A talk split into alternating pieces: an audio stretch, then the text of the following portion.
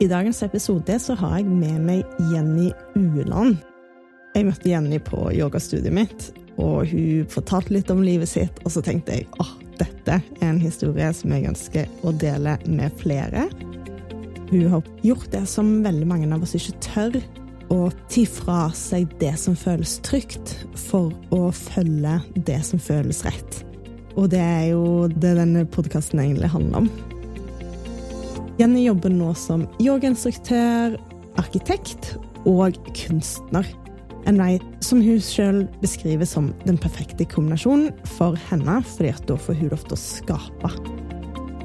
I løpet av episoden så forteller Jenny om sin egen reise, hvor hun har funnet inspirasjon. Og så forteller hun litt om hvordan det er faktisk å jobbe med det du virkelig har lyst til å jobbe med. Hos deg med nok en inspirerende samtale.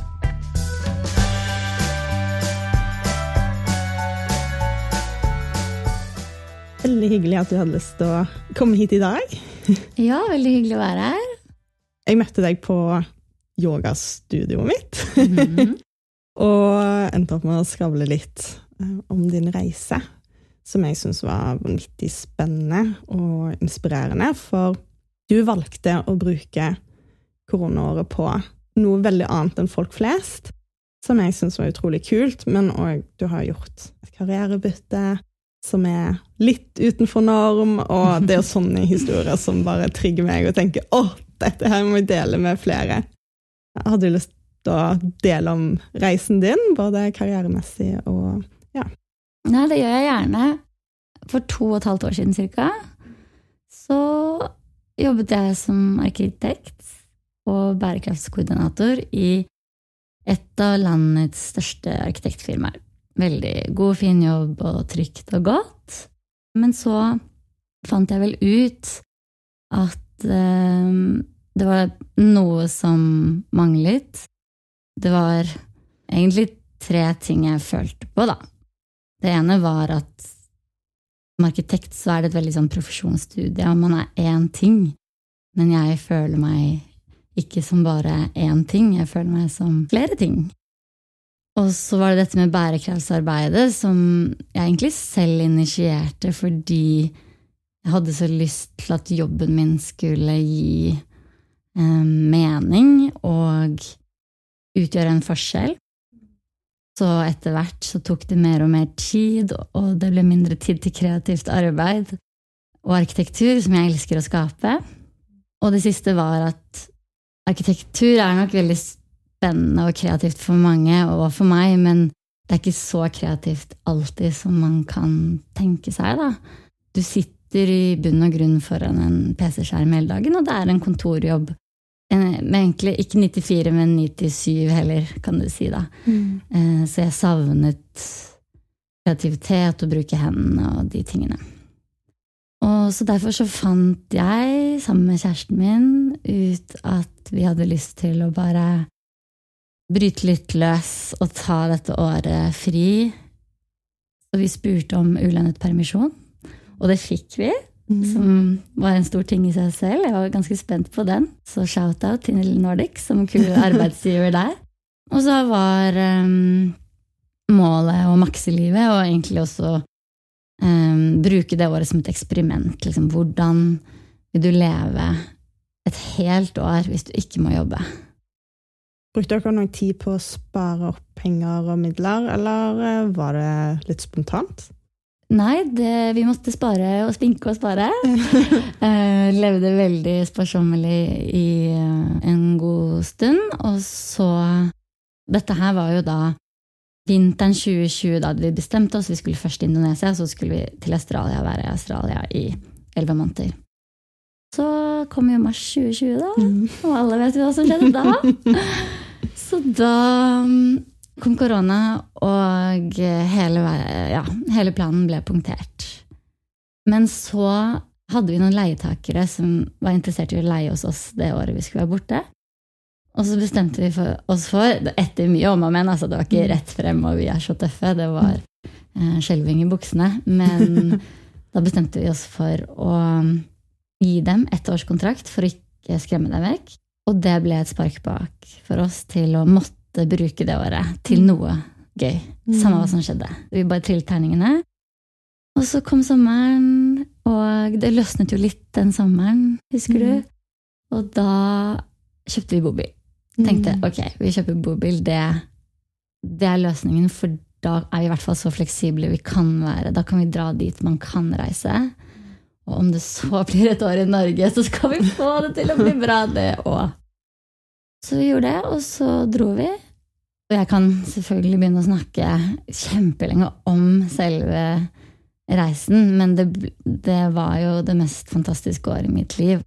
Og det er nesten skummelt å si det, fordi jeg vet hvor kjipt folk hadde det under korona. Men fordi vi valgte å gjøre det, så ble det for meg kjempesuksess. Hva er det du tenker som, når du tenker tilbake, som var så fint med det året? Det er så mange ting, men jeg skal prøve å snevre det inn. Nei, Én ting er alle de fantastiske stedene vi reiste, og de fantastiske folkene vi møtte, og opplevelsene vi hadde. Men kanskje like viktig var det å få tid til å fullføre drømmeprosjektene. Det å få tid til å reflektere over hva man vil, hvordan man ønsker å leve. Jeg hadde liksom noen av de fineste samtalene med partneren min på den turen. Og så var det det å få lov til å være eh, ute og aktiv hver eneste dag i naturen, ikke sant? Og Mm. så i tillegg bare få lov å leve i nuet uten stress og bekymringer. Så jeg føler jeg er blitt yngre på det året enn eldre. Det er helt sinnssykt. Jeg kom hjem og hadde så mye energi. Selv om jeg aldri har vært så aktiv før i hele mitt liv. Deilig. Har du tatt noe med videre inn i livet nå? Ja, egentlig ganske mye. Mm. Ehm, for det jeg brukte året på, det var blant annet å utvikle mine kunstneriske sider. Hvordan gjorde du det mens du reiste? Det er et godt spørsmål, for jeg fikk tid til å lære meg noen designprogrammer som er litt komplekse. Allerede så driver jeg med 3D-modellering fra arkitektur, men jeg hadde også lyst til å lære meg parametrisk design, som har vært et mål for meg en stund, men som jeg ikke hadde liksom tid eller overskudd til i en travel arkitekthverdag. Da. Og med de verktøyene og med nye maskiner som CNC-fres og sånn, som er teknikker jeg liker å bruke i min kunst, så fikk jeg plutselig et helt hav av muligheter som åpnet seg. Og så kunne jeg tegne og 3D-modellere, men jeg fikk jo ikke vært på verkstedet, så Mm. det gledet jeg meg faktisk veldig til med å komme hjem. Da skulle jeg endelig få lov til å bringe ting til live, da.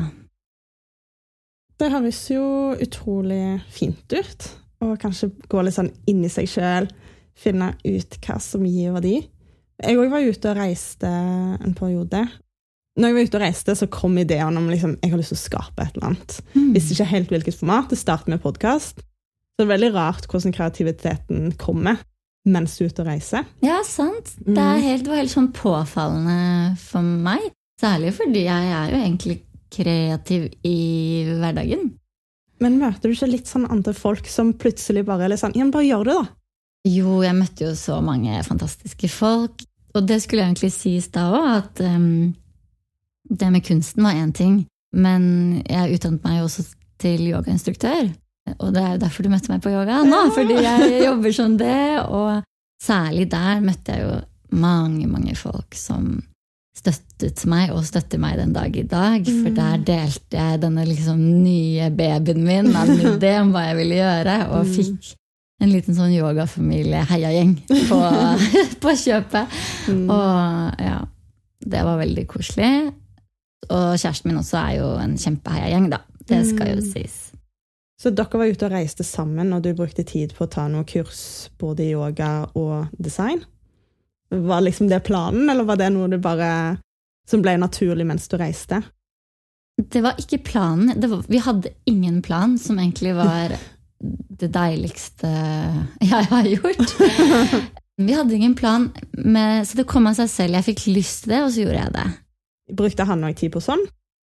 Mats, kjæresten min, han hadde ikke lyst til å ha noen prosjekter annet enn å surfe. Jeg også surfet hver dag. Det, det var det vi gjorde hver dag i et år, og det var helt fantastisk, og jeg er helt hekta. Folk er veldig ulike sånn. Jeg òg merker når jeg er når jeg har pause, så får jeg så mange kreative ideer at hjernen min bare bobler litt over. Syns det er gøy å skape. Mm. Og det er liksom en måte å slappe av på. Ja, jeg er helt enig. Jeg kunne, jeg kunne ikke hatt et år på en strand og ikke hatt noe å gjøre. Det er tortur for meg, egentlig, etter de tre ukene, kanskje. Nei, jeg må ha noen prosjekter fordi jeg syns det er gøy å lære, utvikle meg, prøve noe nytt. Når er det man har et år, liksom? Til rådighet. Og spesielt når du hadde lyst til å gjøre et karriereskift, så er det jo en fantastisk mulighet å bruke det året på å finne den retningen. Mm. Var det noe du hadde begynt å tenke på før du drog? Eller kom masse mens du var ute og reiste? Jeg hadde begynt å kjenne på i hvert fall at eh, det måtte til en forandring. Og så kom veldig mye underveis. Så det har vært en sånn ett års lang modningsprosess. Egentlig ganske interessant, fordi det har egentlig gjort til at jeg tenkte så mye på det, og til slutt så hadde jeg snakket så mye om det og sett så for meg, og blitt så klar over hvordan jeg ville leve livet, at når jeg kom hjem, så hadde jeg nesten ikke noe annet valg enn å si opp, og det var det jeg gjorde. ja. Hadde du noe å gå på da? Nei, jeg hadde ingen prosjekter legnet opp. Hadde jeg bare så innmari tro på at det skulle gå bra. Fordi jeg hadde liksom funnet mine lidenskaper. Jeg ville drive med kunst. Arkitektur sånn litt på siden, sånn at kunsten fikk størst plass. Og så ville jeg drive med yoga for å kunne gi tilbake og bruke liksom den menneskelige relasjonsdelen av meg som jeg liker veldig godt. Så nå består hverdagen min av kunst, arkitektur og yoga i en herlig kombinasjon. Og så har jeg oppnådd en, ja, en kreativ hverdag, fleksibilitet, variasjon, og jobbe med lidenskapene mine. Eh, Og det er det som har vært viktig for meg. Det er det jeg prøver å få til nå, da. Hvordan er gründerlivet for deg? Er det travelt, eller eh, klarer du å ha en balanse? Jeg skal ærlig innrømme at jeg har det travelt. Mm. Jeg må finne ut av hvordan man skal jobbe riktig, fordi det kan være overveldende. Og det er veldig mye en etableringsfase som tar tid, og som er nytt og utfordrende. Du må sette deg inn i alt. All den tiden jeg så for meg at jeg bare skulle være kreativ på verkstedet, Mm. den har blitt litt mindre enn den skulle. Så, ikke sant? Du har jo alt dette som kommer i tillegg, som er regnskap, markedsføring, søknader Det er så mye greier som Mm. ingen ser utad. Men så går det liksom bra allikevel, fordi det er mitt. Og jeg kan godt gjøre regnskap Eller nå kommer masse til å le fordi jeg syns det er dritt, men jeg kan godt gjøre regnskap når det er for meg selv. For nå er jeg helt fri, og det vil jeg Jeg kan ikke se for meg at jeg tar meg en fast jobb igjen akkurat nå. Ikke sitter meg på det, men jeg håper jeg klarer å, å bli dette, fordi det er helt fantastisk. Hvordan har den overgangen vært, da? Å liksom gå fra å ha fri, være ute i naturen hele tiden og bare nyte, til å gå inn i en sikkert ganske travel hverdag? Det var beintøft. Mm. Ja. Jeg hadde jo en, en periode på arkitektkontoret før jeg begynte for meg selv. Og det var eh, kjempesjokk for kroppen også, ikke bare for hodet. Men kroppen skjønte ikke hva som skjedde. Plutselig måtte jeg sitte stille i åtte-ni timer om dagen. Føltes ikke bra. Hele meg bare strittet imot. Mm. Men nå som jeg jobber for meg selv, så er det annerledes, fordi hvis det er fint vær ute, så tar jeg meg en joggetur. Hvis det er surfebølger, saltstein, så setter vi oss i bilen og kjører, og så jobber jeg heller bare litt ekstra, for jeg, jeg har ikke noe mot å jobbe. Jeg, jeg kan egentlig like ganske godt å jobbe, særlig nå som jeg gjør det jeg vil. Men jeg liker å kunne gjøre det på mine egne premisser. Og så um, synes jeg fem uker ferie i år er altfor lite. ja. Mm. Jeg tror det er en ting som folk er nødt å være litt bevisst. Det at når du tar deg fri, Jeg eh, hadde jo fri de tre månedene. Og det husker jeg, det var, det var akkurat som hjernen var litt sånn avskrudd. Sånn sjokk for systemet. Jeg tror det gikk et par uker, og så var jeg liksom back on track. Ja, for de fleste føler det jo sånn etter sommerferien nå, og Ja. får en liten dyp depresjon de to første dagene. og så er man så tilpasningsdyktig Mm. at man kommer veldig fort inn i det igjen. Men spørsmålet er om man vil komme fort inn i det igjen. For jeg, jeg tror jo også at den reaksjonen Altså, vi er jo ikke skapt for å sitte innendørs på en stol hele dagen og fokusere på en skjerm hele dagen. Men nå som jeg på en måte er i en etableringsfase, og det er viktig at, det- at det går bra, så må jeg jobbe med meg selv med å tillate meg å ta den joggeturen, da. For nå kan jeg det, så jeg burde jo benytte meg av det, men det er ikke alltid like lett. Men jeg tror for alle som har en kontorjobb, da, det er f.eks. nå om vinteren, Mm. å gå seg en tur når det er fint vær, og se sola, Ja. det har så mye å si. Ja, du får masse energi av det, da. Ja, ja, jeg tror det er liksom Du føler deg bedre, og så tror jeg det gjør ting med deg som du ikke vet. Jeg tenker i hvert fall det at hvis jeg har fått en sånn økt i løpet av en dag, så er jo den dagen fin. Da har, det, da har man på en måte gjort noe, vært ute nei, jeg er helt enig. Jeg har kanskje blitt litt mer fan av det å skulle gjøre en jobb, og ikke nødvendigvis at det er så viktig når du gjør det. Og det å ja, ta seg noen ganger kanskje en time eller to fri midt på dagen, og så Mm. jobbe litt på kvelden eller et eller annet, spesielt om vinteren, Mm. for å ta seg en treningsøkt, gå seg en tur, bare ta seg en pause fordi at du merket at hjernen funka ikke helt, og du bare trengte å gjøre noe annet. Jeg er helt enig. Jeg tror da vil du jo jobbe bedre etterpå også, Mm. og det er jo flere arbeidsplasser som under korona ga folk eh, fri for å gå tur midt på dagen, for å holde motivasjonen oppe. Og de jeg snakket med som hadde det sånn, responderte også kjempebra på det. Så jeg Jeg tror det er lønnsomt, jeg. Du det er kjempelønnsomt. Ja, Mm. absolutt. Oh, I wanna be a machine.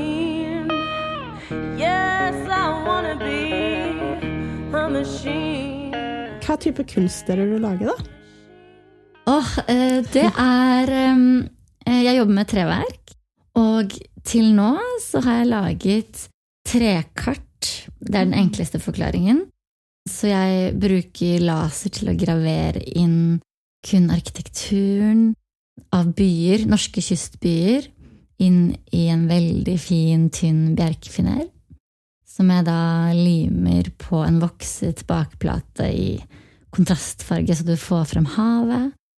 Og det har jeg jobbet med nå, med litt forskjellige byer. Og så markerer jeg et lite hjerte der du bor, for å gjøre kunsten personlig. Og det har vært så gøy, for det viser meg, eller bekrefter for meg, hvor mye det bygderom betyr for folk. Eh, hvor man er fra, eller hvor man har bodd. Alle kommer med forskjellige historier for hvorfor den byen og det bygget, den plassen, er viktig for dem. Og som arkitekt er jo det ikke tilfeldig at jeg bare graverer byggene. Det er jo fordi ja, jeg syns det er spennende med tilhørigheten til et sted, og hvordan det bygde rom påvirker oss. Det er noe jeg har gjort en stund nå for å opparbeide meg en slags eh, base. Det letteste for å forstå hvordan det ser ut, er nok å gå inn på Instagrammen min, på Jenny Uland Studio. Solgt over 40 verk, faktisk, så det er jeg kjempefornøyd med. Så er det spennende å utvikle seg videre, så nå er det mm, to samarbeidsprosjekt på gang med andre kunstnere, og da kommer det til å bli helt andre ting igjen. Da mm, vil jeg gjerne jobbe litt mer tredimensjonalt. Så det ene kunstprosjektet er som en landskapsarkitekt, hvor vi ønsker å ta utgangspunkt i gjenbruk av norske byggematerialer, da, Mm. og bruke det som utgangspunkt for kunstutstillingen. Og det andre, det er ikke helt spikret ennå, men hvis det blir noe av, så kan jeg i hvert fall røpe at det handler om kunst integrert i arkitektur, som er noe jeg syns er kjempespennende, og gjerne vil drive mer med, da.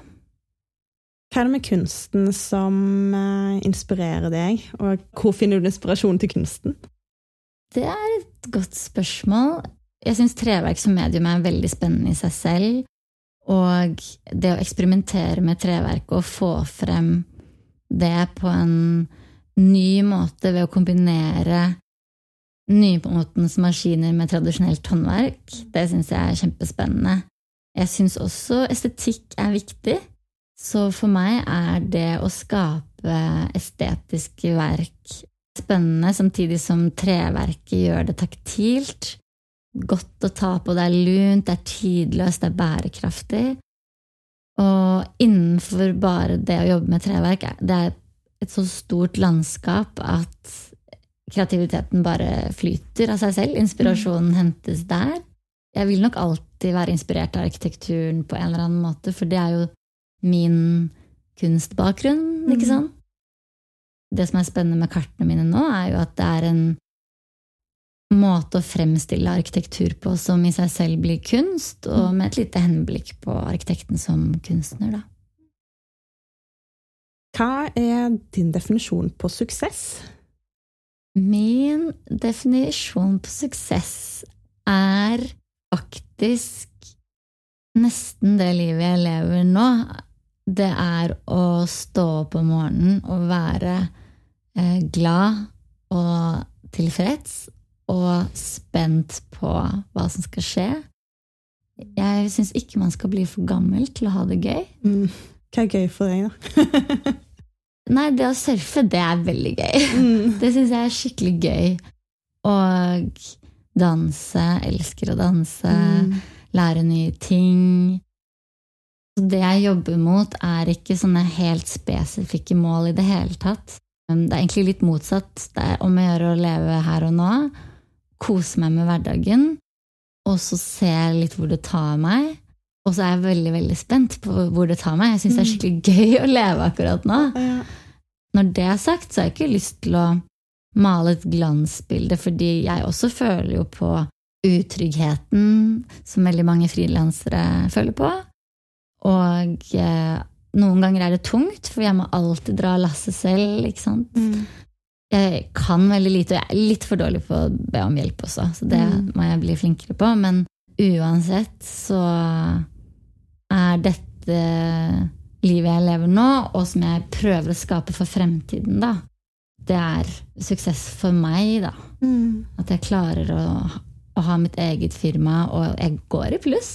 Det er jo en kjempesuksess, det òg, da. Men det, ikke, det, er ikke avgjørende mm. for alle som er i en etableringsfase de fleste går vel egentlig i minus i starten, kanskje? Ja, ja. Jeg kjenner til kunstbransjen. Den er jo sikkert annerledes enn andre, men jeg tror de fleste går i minus de første fem årene. eller noe sånt sted. Ja, så man må være fornøyd med alle seierne man får, og så ja. Du har valgt å da jobbe som yogainstruktør og ta på noen arkitektprosjekter på siden. Mm. Ja. Det skaper sikkert litt mer trygghet. Du har en inntekt der, da. Ja, det, og det er helt bevisst. Men også fordi jeg liker å jobbe med yogaarkitektur. Ja, ja, ja, så jeg toucher inn på tre felter jeg liker veldig godt. Og så er noen av de en tryggere, mer stabil inntekt enn kunsten er. Og så til sammen så utgjør det nok nå. Men eh, det blir veldig spennende å se hvor bærekraftig det blir over tid. Ja. Det er spennende mm. når du starter for deg sjøl, da. Det å kanskje tenke at jeg er her nå, men jeg vet ikke hva som kommer. Og ta mm. det litt sånn med tiden, avhengig av om du plutselig blir lei, eller du lærer noe nytt, eller blir inspirert en annen plass og tenker å ja, men det er neste retning. Ja, mm. jeg er helt enig, og jeg, jeg, håper det blir litt sånn, egentlig. Fordi det var litt som jeg startet med, at uh, jeg er mange ting, og jeg har veld, veldig lyst til å utforske flere sider av meg selv. Og så har jeg veldig tro på at det skaper synergieffekter tilbake igjen til arkitekturen og tilbake igjen til kunsten. sant? Mm. Så ja, jeg er opptatt av å ikke være for tunnelsynt, og heller teste ut forskjellige ting, og så får man en litt sånn bredere horisont, da. Jeg tror folk er ulike der. Jeg husker jeg, jeg har flere ganger vært litt sånn stress over CV-en min. For at jeg har CV-en min er veldig schizofren. Du har blitt en potet? Jeg har blitt en potet. Og så har, har jeg jo lagd podkast, så jeg har vært podkast-host. Og det innebærer jo egentlig journalistikk, markedsføring, redigering og lydteknikk. Mm. Og så har jeg jobbet som mentor. Men da vet du hva jeg snakker om, da! Herregud, du har jo bare Og det er vel sånn at de, den ene Eller det vet jeg ikke, da, men er det sånn at noen av jobbene har ledet til neste? Ja. Eller, Ja, så jeg, alt har vært på veien. Og i en jobb så har jeg jo på en måte tenkt ok, men jeg likte det med den jobben, så det ønsker jeg mer av. Dette savner jeg, så det ønsker jeg mer av. Mm. Og dette ønsker jeg mindre av. Men for meg så har det vært dritvanskelig å finne ut hva jeg vil bli når jeg blir stor. For jeg Ja. husker når jeg var ferdig å studere, Mm. så søkte jeg på alt. Men hva var det du studerte? Master of Management Science. Det ble litt sånn CIVØK. Ja. Mm. Mm. Men med spesialiseringen for bærekraft, da. Mm.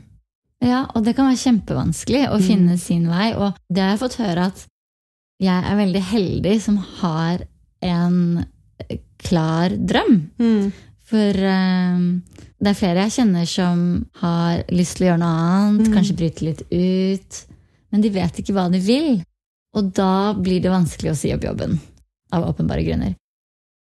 Det har jeg skjønt at det skal jeg være glad for. Eh, og så utvikler den drømmen seg kanskje over tid.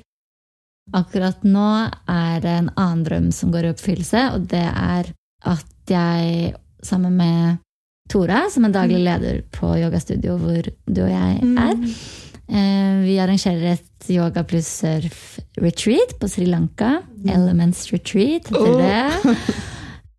Og det også kommer jo til å bli en fantastisk erfaring for meg å kunne lede en liten gruppe mennesker i paradis og vise dem alt jeg elsker, og eh, forhåpentligvis komme inn i en liten spirituell reise på kjøpet. Mm. Mm.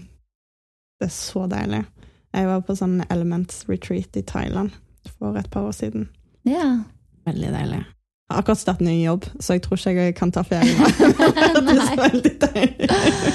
Nei. Og, Men det er, eh, det er eh, noe jeg håper jeg kan fortsette med, og som kan gjøre at jeg kan reise litt mer med jobben, da.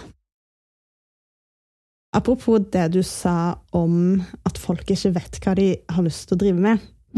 Jeg har gått til en coach nå i høst, og han er veldig tydelig på at du vet hva du vil, du bare tør ikke å si det høyt til deg selv. Å, det er spennende. Mm. Jeg tror du han har rett i det. Ja. Er det nå du skal si hva du egentlig vil? Nei, jeg vet jo hva jeg vil, og alt er på veien. Men jeg har nok et uh, tiårsmål. Ja, Mm. ikke sant. Det jeg gjør akkurat nå, det har jeg veldig lyst til å gjøre nå.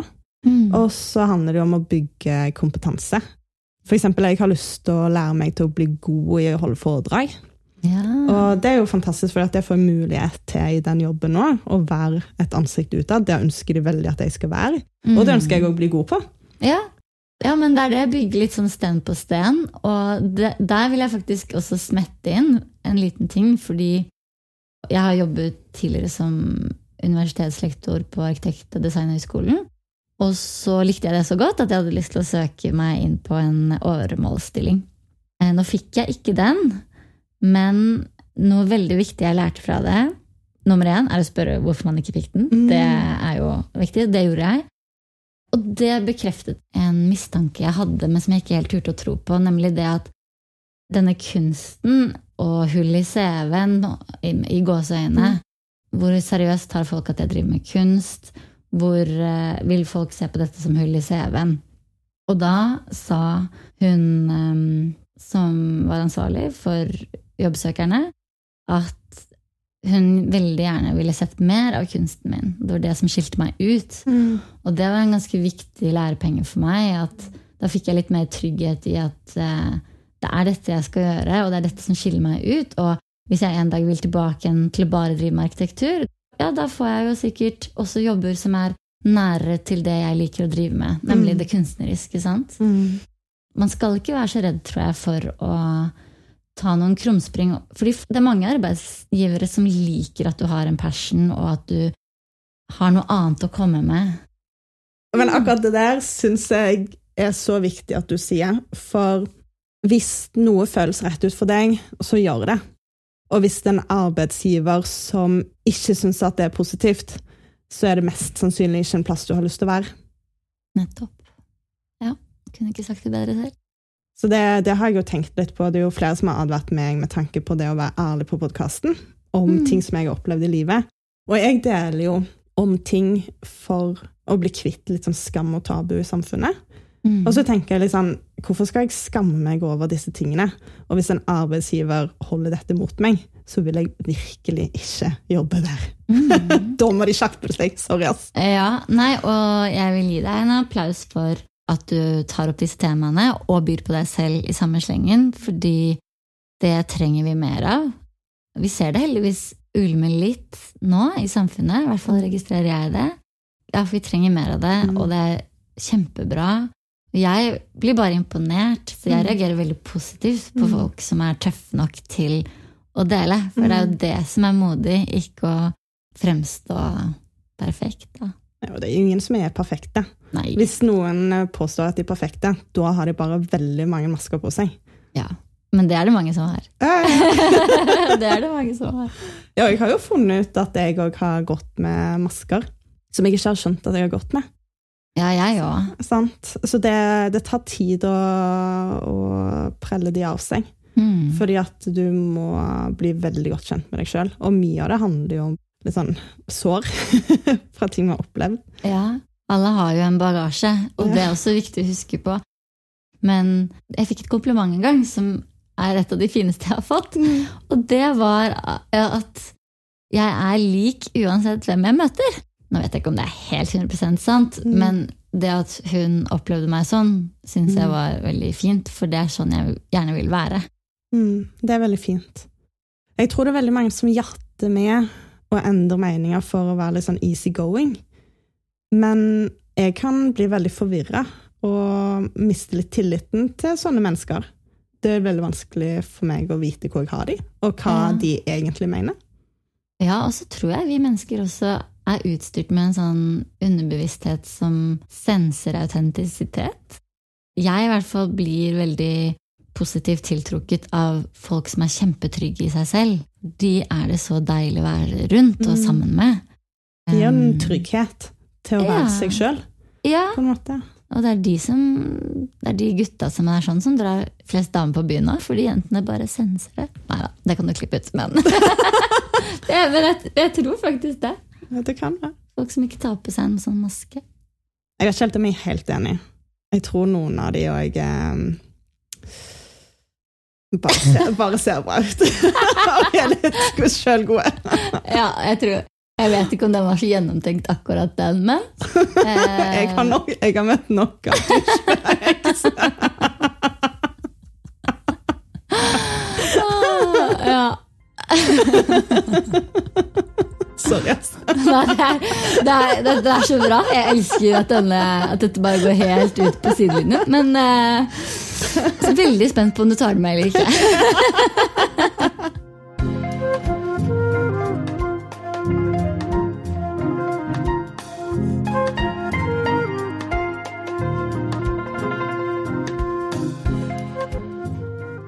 Jeg vet jo det er mange som har lyst til å gjøre et eller annet i livet, Mm. men så kjenner de liksom at samfunnet har liksom, liksom tanker om at det er feil eller litt rart. Eller selvfølgelig på press for å liksom fortsette å tjene masse penger eller gå et karriereløp. Har du noen tips til disse menneskene til hvordan de liksom kan følge magefølelsen sin og gå for det som de virkelig vil? Ja, det tror jeg at jeg har. Jeg tror det er veldig viktig å stille seg selv spørsmål og utfordre etablerte sannheter. For hvis man hele tiden går på autopilot og gjør som alle andre, og når man blir 30, så skal man jo få et hus, og så skal man jo ha den bilen, og så skal man hele tiden oppgradere, for eksempel, da. Det er jo et mønster man ser. Og for mange er det det optimale, og det er helt greit.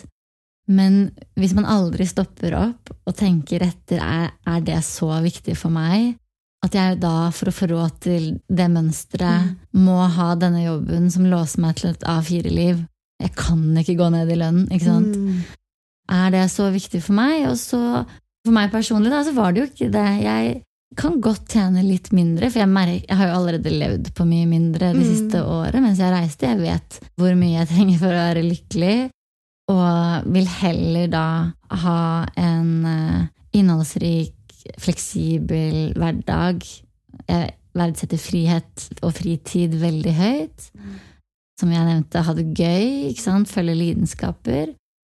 Så hvis man er det bevisst, så vil man jo automatisk kjenne at ja, men dette her må jeg gjøre. Eller i hvert fall Mm. sånn var det for meg. da, Mm. At det er viktigere for meg med en jobb med mening enn en jobb som gir status overfor andre. Mm. Og det du sa til at man bryr seg om hva folk tenker og, og mener, der må jeg bare si at jeg er overveldet over responsen jeg har fått. Den har vært utelukkende positiv.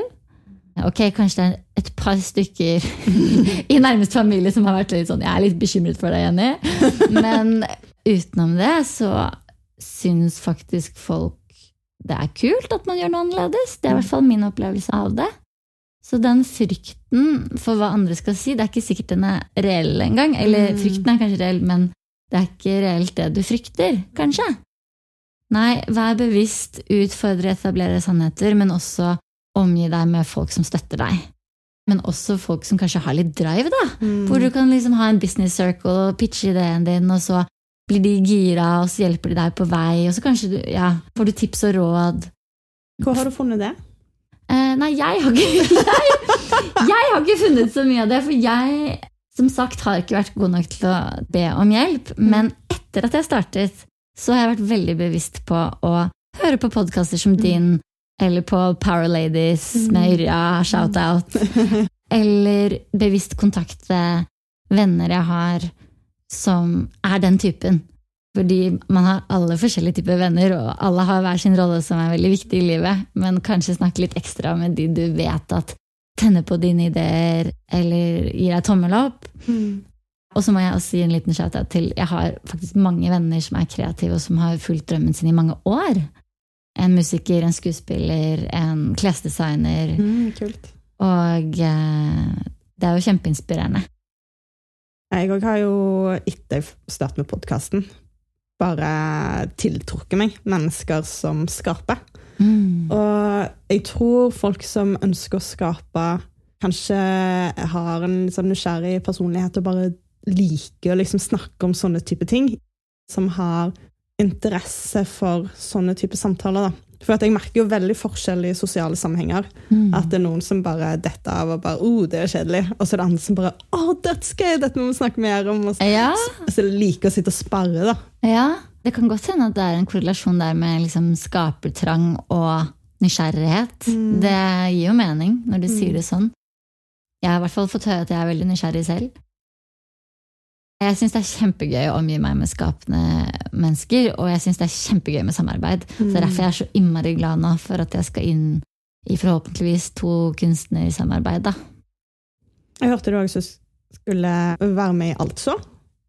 Ja, og det er så stas, for det er et fantastisk eh, magasin. Det, alle som ikke har lest det, må lese det. Og de er jo så fine, for de promoterer jo kunst istedenfor reklame. Og der fikk jeg lov å ha to store sider på, i den neste utgaven. Så nei, det betyr kjempemye. Og en stor takk til Altså som gir meg den muligheten. Yes, Da tror jeg vi har kommet til siste spørsmål, Ja, som er det viktigste spørsmålet av alle. Nå har ikke dette vært en så tung episode. da. Noen episoder så er den viktigere enn andre. så hva er det pinligste du noensinne har opplevd?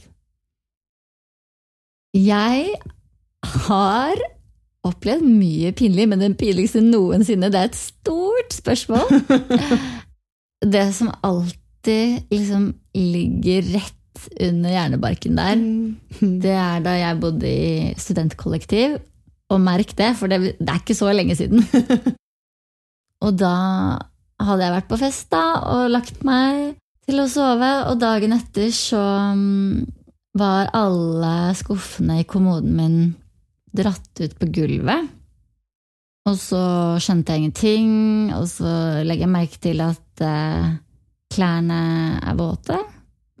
Og så finner jeg da ut, da, mens jeg rådfører meg med mine andre, som hva som har skjedd her. Den eneste mulige forklaringen er at jeg har da gått i søvne da, dratt ut alle skuffene, satt meg i skuffene og tissa i dem.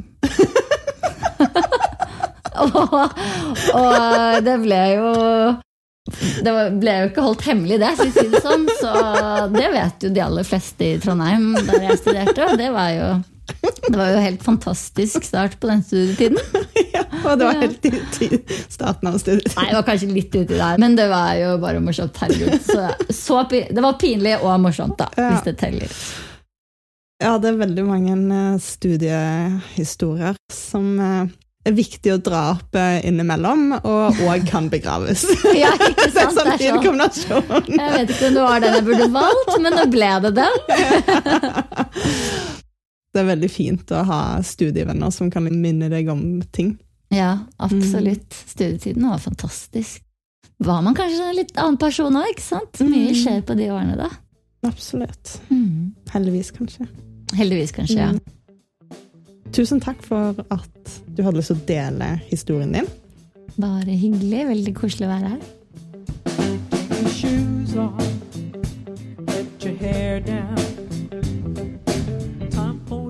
Hvis du likte denne her episoden, så håper jeg at du ønsker å lytte til noen av de andre episodene mine, som ligger overalt der du kan lytte til podkast, og at du legger igjen en tilbakemelding eller en stjerne på eh, Apple Podkast, sånn at jeg kan nå ut til enda flere med disse fantastiske historiene til disse damene. Hvis du er nysgjerrig på meg, så kan du finne meg på Instagram. Der heter jeg magefolsen.podkast. Og så har jeg òg en hjemmeside hvor det står litt om meg. Den heter magefolsen.com. Det var fra meg i dag. Lag deg den dagen du ønsker å ha i dag, etter de behovene som du faktisk har. Vi snakkes!